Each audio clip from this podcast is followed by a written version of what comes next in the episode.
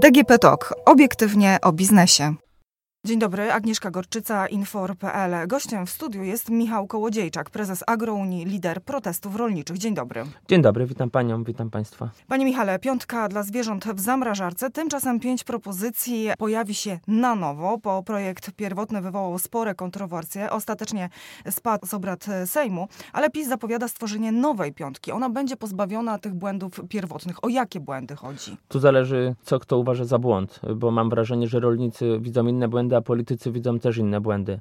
I chyba błędami polityków było to, że błędem polityków, że, że wzięli się w ogóle za pracę nad piątką i tak też to jest odbierane przez rolników. Dla mnie jest jedna rzecz w Polsce do poprawienia. Dofinansowanie weterynarii i tym powinny, powinno zająć się i ministerstwo, i, i sam premier, i wszyscy ludzie, którym zależy na dobru zwierząt w Polsce i na ich dobrostanie. Czy inne rzeczy trzeba zmieniać? Są rzeczy oczywiste, które powinny być i funkcjonować. I wiadomo, że nie wolno nad zwierzętami się znęcać. Jeżeli ktoś powoduje cierpienie zwierząt, to musi, musi po prostu to zmienić, a my musimy mieć instytucje i urzędy, które będą egzekwowały prawo w odpowiedni sposób i wyciągały konsekwencje z takich ludzi.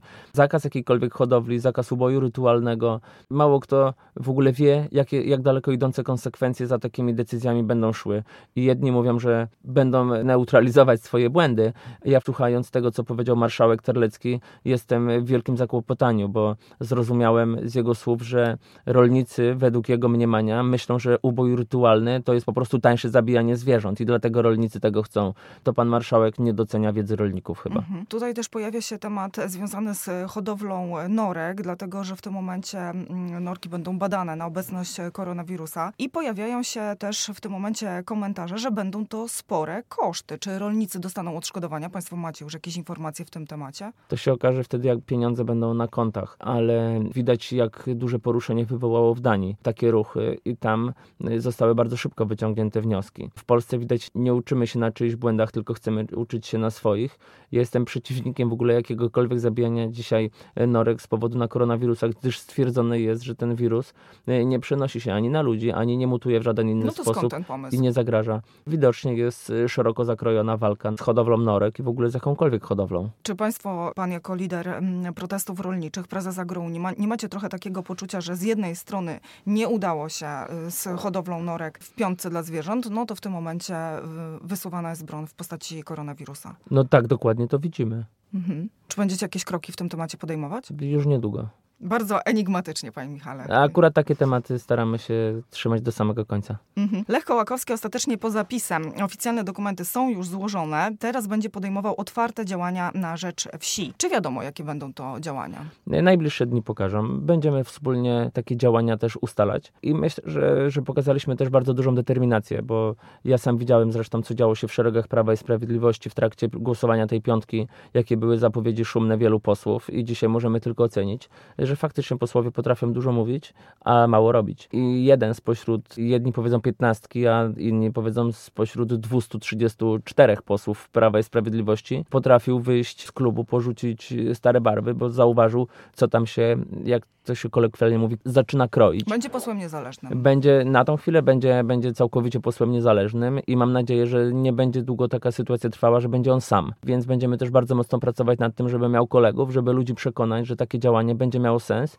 a Prawo i Sprawiedliwość swoim działaniem po prostu sprzeniewierzyło się interesom nie tylko polskiej wsi, ale także i polskiej gospodarki, bo mało kto wie, że tematy rolnictwa y, to jest jedno, a tematy okołorolnicze, które są zależne od, od rolnictwa, od produkcji rolnej, to, to jest drugie i właśnie na tym zbudowana jest bardzo duża część Europy Zachodniej. Sytuacja i nastroje wśród y, rolników. To, że jest gorąco, to wiemy. Mm, natomiast przedłużone jest y, embargo, jeżeli chodzi o drób y, i jabłka na, na stronę wschodnią. Bardzo niskie i skrajna sytuacja na rynku trzody chlewnej. W którym kierunku to będzie zmierzało? Wszystko będzie zmierzało w kierunku niestety takim, że polscy rolnicy będą wyrzucani z tego rynku produkcyjnego. A jeżeli pytamy o kierunek, w jakim kierunku pójdą polscy rolnicy, to, to na pewno w kierunku bardzo dużego buntu, który myślę, że zauważymy już, już za kilka kilka dni. I nikt nie odda tego, na co, na, na co pracowały pokolenia, od tak, bo ktoś chce. Sytuacja na rynku trzody chlebnej, dzisiaj ceny już poniżej 3 zł, a bardzo duży przywóz świń z Niemiec, Danii, gdzie tam świnie są droższe, czyli widać, że korporacje, które pracują u nas w kraju, mają na celu wykończenie produkcji poprzez dopłacanie do przywozu świń z zagranicy, by tylko i wyłącznie podporządkować sobie polskich rolników, by zrobić z nich swoich, nawet ja nie mówię pracowników, tylko parobków, Ale bo tak trzeba to nazywać. Y, pan wielokrotnie też podkreśla, że w ogóle nie zdajemy sobie sprawy z tego, że to jest faktycznie dumping, wygaszanie hodowli w Polsce. Bo tak jest. Moi koledzy byli y, na granicy polsko-niemieckiej, liczyli samochody, ile, ile tych świń przyjeżdża i to są naprawdę zawrotne cyfry. Gdzie w Polsce nie da się dzisiaj świń sprzedać od, od ręki, od tak, to przywozimy z zagranicy. Ale sytuacja jest tragiczna nie tylko na rynku trzody chlebnej, także na rynku warzyw. Wspomniała Pani tutaj embargo przedłużone przez, przez Putina na kolejny rok i to jest embargo, które dotyczy wszystkich produktów żywnościowych praktycznie. Nie możemy tam eksportować żywności, a Rosjanie mogą do Polski przywozić. To jest tak naprawdę wojna, gdzie jest tylko jeden zwycięzca i zwycięzcą są, są Rosjanie. Oni przetrwali trudny czas, my daliśmy im możliwość się rozwinąć i straciliśmy kolejny rynek zbytu.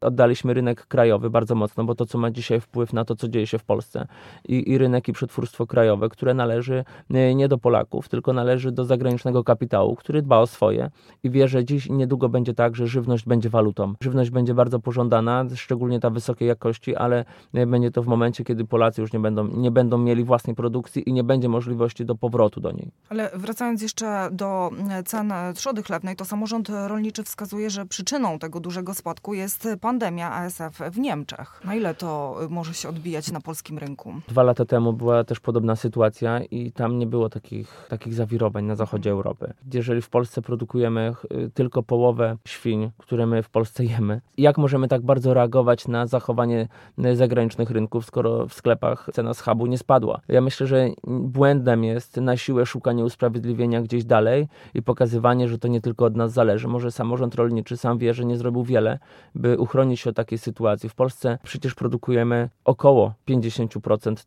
wieprzowiny, którą spożywamy w kraju. To jest naprawdę bardzo mało. Z kraju, który był potentatem eksportowym, y, staliśmy się krajem, który stał się śmietniskiem i do nas przywożone jest schab, ja tak delikatnie powiem, wątpliwej jakości zagranicy, a nasz dobrej jakości jest wywożony. Tak naprawdę w Polsce nie jemy naszych schabowych ale wśród e, celów e, agrounii znajduje się też walka z nieprawdziwym znakowaniem towarów, które rzekomo pochodzą z Polski, a tak naprawdę wcale z Polski nie są.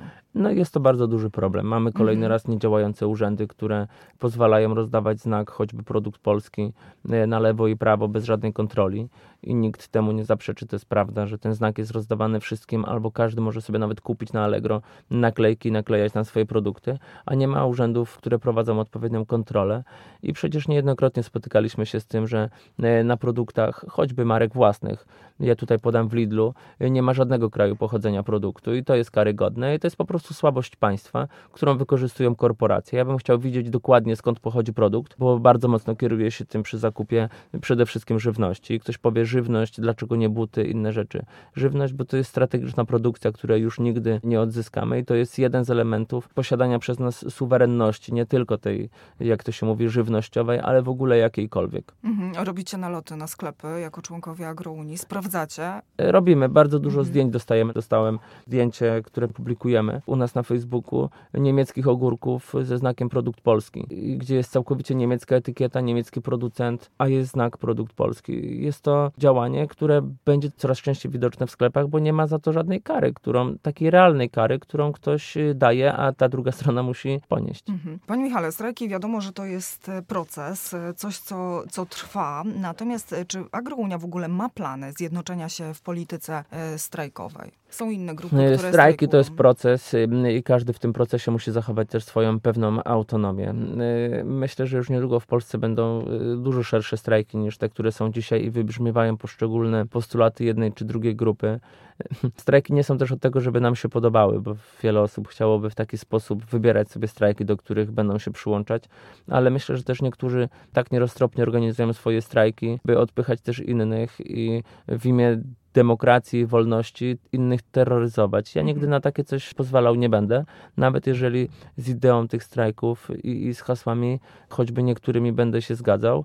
I, I, myślę, że to jeszcze trochę w Polsce potrzebujemy czasu, byśmy nauczyli się takiego odpowiedniego podejścia do strajku, bo ja tylko i wyłącznie widzę teraz na strajkach chęć przybijania własnych takich poszczególnych postulatów czy chęci, idąc po trupach nawet innych strajków i, i mówieniu, że, że ktoś tam inny nie potrafi strajkować. Nawet ja spotkałem się z takim stwierdzeniem, że rolnicy właśnie w kontekście tych innych strajków zbyt słabo strajkują, a rolnicy mają jeszcze pewną kulturę tych strajków, którą chcą też zachować i nawet przy przekraczaniu pewnych granic i naciąganiu tej struny zachowujemy pewien umiar, który według mnie też powinien być e, zachowany. My nigdy nie poszliśmy w naszych strajkach na, e, na bójkę z policją czy, w ogóle w takim, w takim kierunku. Nie jest to, myślę, dobre na ten moment i nigdy takie coś nie powinno, nie powinno mieć miejsca. Siłą strajków musi być ich liczebność, pomysłowość, a nie tylko arogancja, hamstwo i, i po prostu przepychanie się z kimś, bo y, strajk, tak jak pani powiedziała, to jest z jednej strony proces, a z drugiej strony błyskotliwa gra, która musi, musi zakończyć się sukcesem. Czy jako organizator e, współpracuje pan z policją przed takim strajkiem? Ustalacie państwo? Różnie bywa. Warianty, różnie bywa. Na pana Facebooku bardzo często, znaczy bardzo często. No, pojawiają się czasami takie filmy, że mm, jest pan śledzony, jeżdżą za panem samochody y, tajniackie. Y, czy pan się boi? Każdy człowiek pewnie czegoś się boi, tylko głupek by się nie bał, nie obawiał. Ja nie chcę odbierać tego jako jakąś złą grę policji czy, czy jakichkolwiek innych służb, bo ja często to widzę gdzie obok pojawiają się ludzie. No ale osobista ochrona to pana nie jest. Wątpliwego, wątpliwego pochodzenia, choćby dla mnie nieznanego. No, ale tak jest też działanie państwa, muszą wiedzieć, co się dzieje. I myślę, że nawet jeżeli ktoś czasem mnie śledzi i się pojawia blisko mnie, to później jest wybity argument, że kołodziejczak kimś współpracuje, bądź robi jakieś bardzo złe rzeczy, czy przyjmuje, nie wiem, cokolwiek od kogoś gdzieś. Ja się tego nie obawiam, że, że policję często widzę obok mnie, czy parkują obok mnie na parkingu specjalnie w taki sposób, żebym ja akurat to widział. Na mnie to wrażenia wielkiego nie robi, a ja często będę to pokazywał, bo ludzie muszą też widzieć, z jaką presją y, wiąże się takie działanie i z jakimi konsekwencjami. To nie jest miłe. No bardzo często mój dom był obserwowany też przez policyjne radiowozy y, w środku z policjantami. Raz były one oznakowane, raz były nieoznakowane. Takie mają zadania. Fajnie byłoby tylko, żeby nikt inny na tym nie cierpiał. Mhm. Ale można też e, podejść w ten sposób, że takie właśnie działania bardziej motywują niż zniechęcają. Motywować pewnie motywują. Ja na to nie zwracam mhm. uwagi. Ja po prostu robię swoje i dla mnie nie będzie to miało różnicy, czy to będzie jeden samochód, czy będzie jechał autokar z policjantami za mną. Jak rozmawia pan z rolnikami, to na co w tym momencie skarżą się najbardziej? Że jeszcze nie ma kolejnych strajków. A jak wygląda sytuacja w gospodarstwach?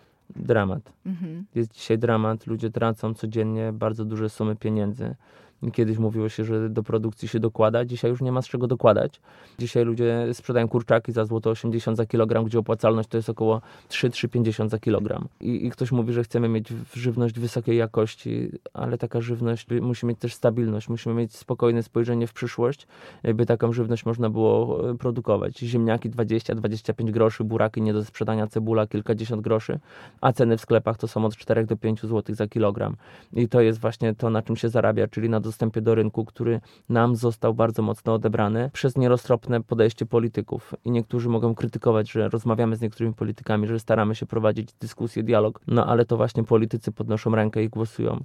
I, i musimy to zrozumieć, choćby się komuś to bardzo, bardzo nie podobało. Więc sytuacja na polskiej wsi jest, ja bym nawet nie chciał mówić y, dramatyczna, po prostu ludzie nie patrzą na przyszłość z jakąkolwiek nadzieją, tylko zastanawiają się, co mogą robić innego, by móc przeżyć i, i utrzymać swoje rodziny mało kto zdaje sobie sprawę, jakie konsekwencje mają, bo z jednej strony mówimy o konsekwencjach gospodarczych, a z drugiej strony mówimy o coraz częstszej depresji wśród rolników, o coraz częstszej ilości rozwodów właśnie z powodu niepowodzeń takich zawodowych, za które rolnicy nie ponoszą odpowiedzialności, bo ludzie po prostu nie wytrzymują już presji, samobójstwa u ludzi. To przecież w ostatnich trzech miesiącach coś, co bardzo często miało miejsce na polskiej wsi.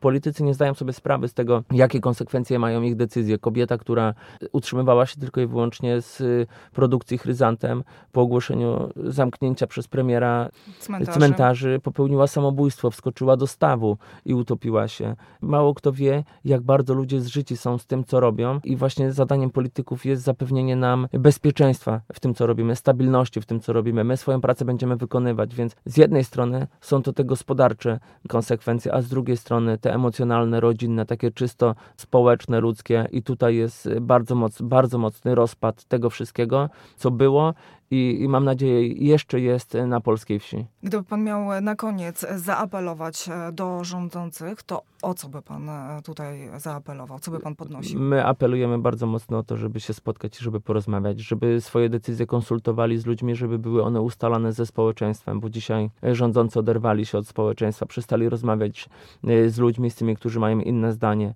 a nie, sztuka, nie sztuką jest po prostu robić swoje. Kiedy jesteśmy w rządzie, kiedy rządzimy, kiedy mamy to, o co tak bardzo walczyliśmy w trakcie kampanii wyborczej, czyli o co walczył premier Morawiecki i wicepremier Jarosław Kaczyński, by móc posiadać odpowiedzialność za cały kraj, za cały naród. Dzisiaj tej odpowiedzialności oni nie wykazują, nie pokazują, a ludzie nie czują się bezpieczni w kraju i, i spokojni o to, co będzie jutro. Więc ja będę apelował o też rozważne decyzje, gdzie ludzie będą mogli czuć, że te decyzje podejmowane przez rząd, przez premiera to są decyzje ludzi. Bo nie tylko i wyłącznie rządzimy tymi, którzy na nas głosowali, ale także innymi. Nie możemy odrzucać dwóch trzecich społeczeństwa, którzy nie głosowali na Jarosława Kaczyńskiego i premiera Mateusza Morawieckiego.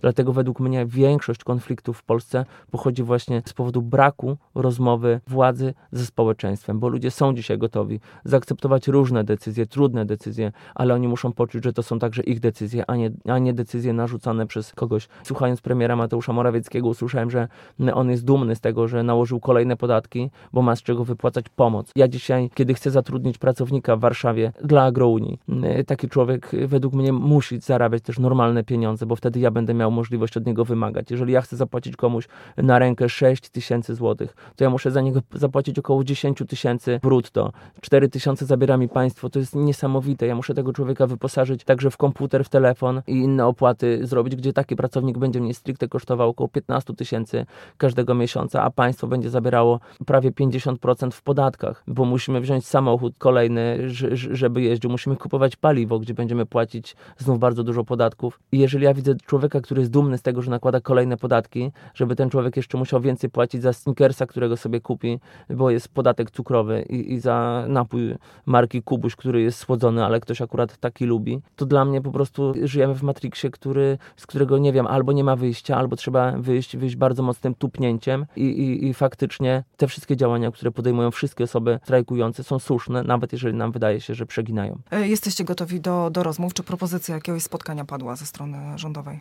E, od miesiąca nie mam odpowiedzi od, od premiera Morawieckiego na chęć spotkania z mojej strony, z naszej strony, więc oni nie są gotowi, oni nie chcą rozmawiać i to nie jest droga donikąd. Zresztą to jest droga dokądś, tylko że to jest właśnie droga do, do końca. Gościem e, odcinka obiektywnie e, o biznesie był Michał Kołodziejczak, prezes Agrounii, lider protestów rolniczych. Dziękuję serdecznie za wizytę w studiu. Dziękuję serdecznie. Podcast realizowała Dorota Żurkowska. Do usłyszenia.